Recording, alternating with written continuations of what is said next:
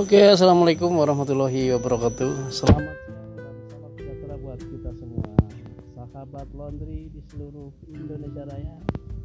Mudah-mudahan kita semua diberikan order yang melimpah, rezeki yang tiada batas. Amin.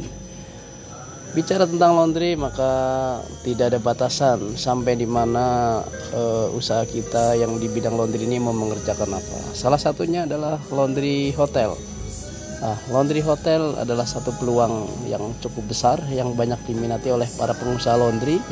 Karena apa? Karena memang orderannya itu terus-menerus. Kecuali kemarin pas awal-awal pandemi Covid-19 orderan agak terhambat atau terhenti karena memang hotel-hotel dilarang uh, untuk buka. Nah, saudara sekalian, pemirsa yang saya cintai oleh karena itu mm, dengan adanya covid ini sudah mulai diperbolehkan untuk eh, membuka semua lini usaha maka kita juga harus berpikir untuk ke arah sana. Eh, apa salahnya kita sudah mulai membuka atau menjajaki sampai di mana kira-kira keberuntungan atau uh, besarnya peluang di bidang laundry hotel. Nah, nanti uh, satu hari kita akan berbincang-bincang dengan owner laundry hotel yang sudah uh, sangat luar biasa omsetnya. Ia sudah menangani beberapa hotel di Jabodetabek ini.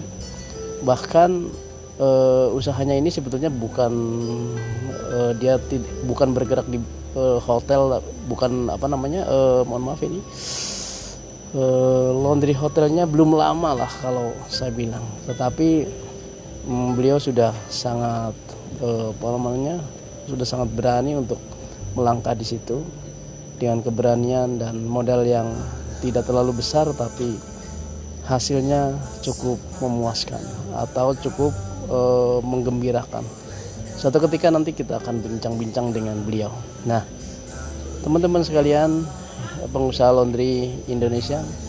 Tentu banyak sekali kendala yang dihadapi apabila kita e, bisnis di dunia laundry terutama laundry hotel. Apa saja kah itu? Tentu salah satunya adalah masalah link e, atau hmm, hotel mana yang akan kita garap karena sejujurnya banyak laundry hotel yang sudah menguasai hotelnya masing-masing. Atau bahkan juga hotel itu sendiri sudah memiliki laundry sendiri. Oleh karena itu kita juga harus jeli melihatnya. Apakah laundry apakah hotel tersebut itu sudah memiliki laundry atau sudah bekerja dengan laundry apa? Nah jangan sampai ketika kita menawarkan satu harga atau kerjasama dengan pihak hotel kita jadi berperang harga dengan e, laundry hotel yang lain yang akhirnya akan menjadikan harganya makin ke sini bukan makin mahal tapi makin murah. Akhirnya apa? Dengan murahnya harga maka akan menurunkan kualitas. Dengan menurunkan kualitasnya maka akan eh, kerepotan dalam membayar SDM atau pegawai. Dengan membayar SDM saja sudah repot atau tidak bisa sesuai standar UMR, maka yang terjadi adalah eh, turn off apa namanya Eh, keluar masuknya karyawan akan semakin tinggi. Dan akhirnya yang menjadi kelabakan sendiri adalah kita sendiri ownernya.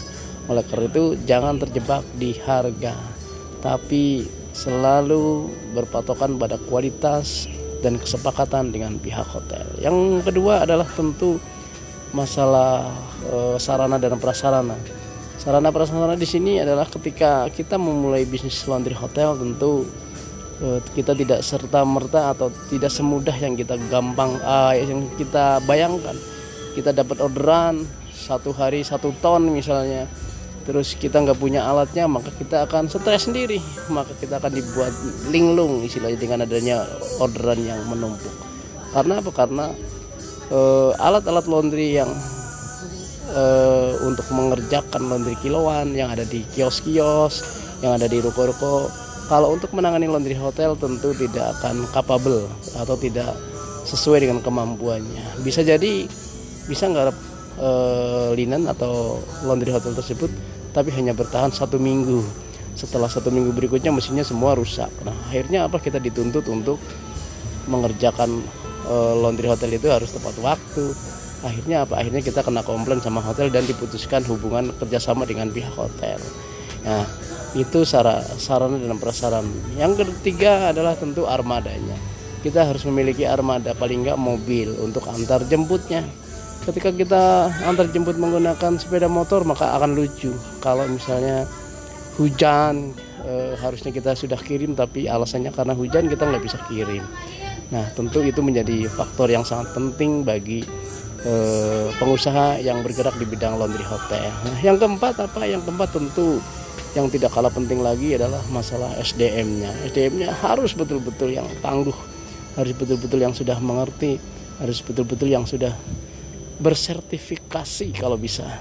Karena apa? Karena mereka sudah menguasai masalah semikalnya, masalah noda, masalah spotting, masalah eh, kecepatan dan sebagainya dan sebagainya dan itu akan menentukan kelangsungan bisnis kita ke depan. Yang kelima apa? Yang kelima tentu uh, tentang masalah manajemen, masalah marketing dan itu uh, kita harus betul-betul pelajari bukan hanya sekedar kita buka usaha tapi kita harus betul-betul uh, membuat usaha yang bisa menghasilkan buat kita, buat keluarga kita, buat orang lain bisa juga bermanfaat bagi orang lain sebagai lapangan pekerjaan. Oke, selamat siang teman-teman pengusaha laundry Indonesia. Itu sekelumit tentang bisnis laundry hotel itu masih jabaran singkat saja atau masih umum dan nanti kita akan bahas lagi apa dan bagaimana uh, tentang laundry hotel. Oke, okay? terima kasih. Mohon maaf apabila ada salah-salah kata. Uh, selamat beraktivitas dan selamat beristirahat siang. Assalamualaikum warahmatullahi wabarakatuh.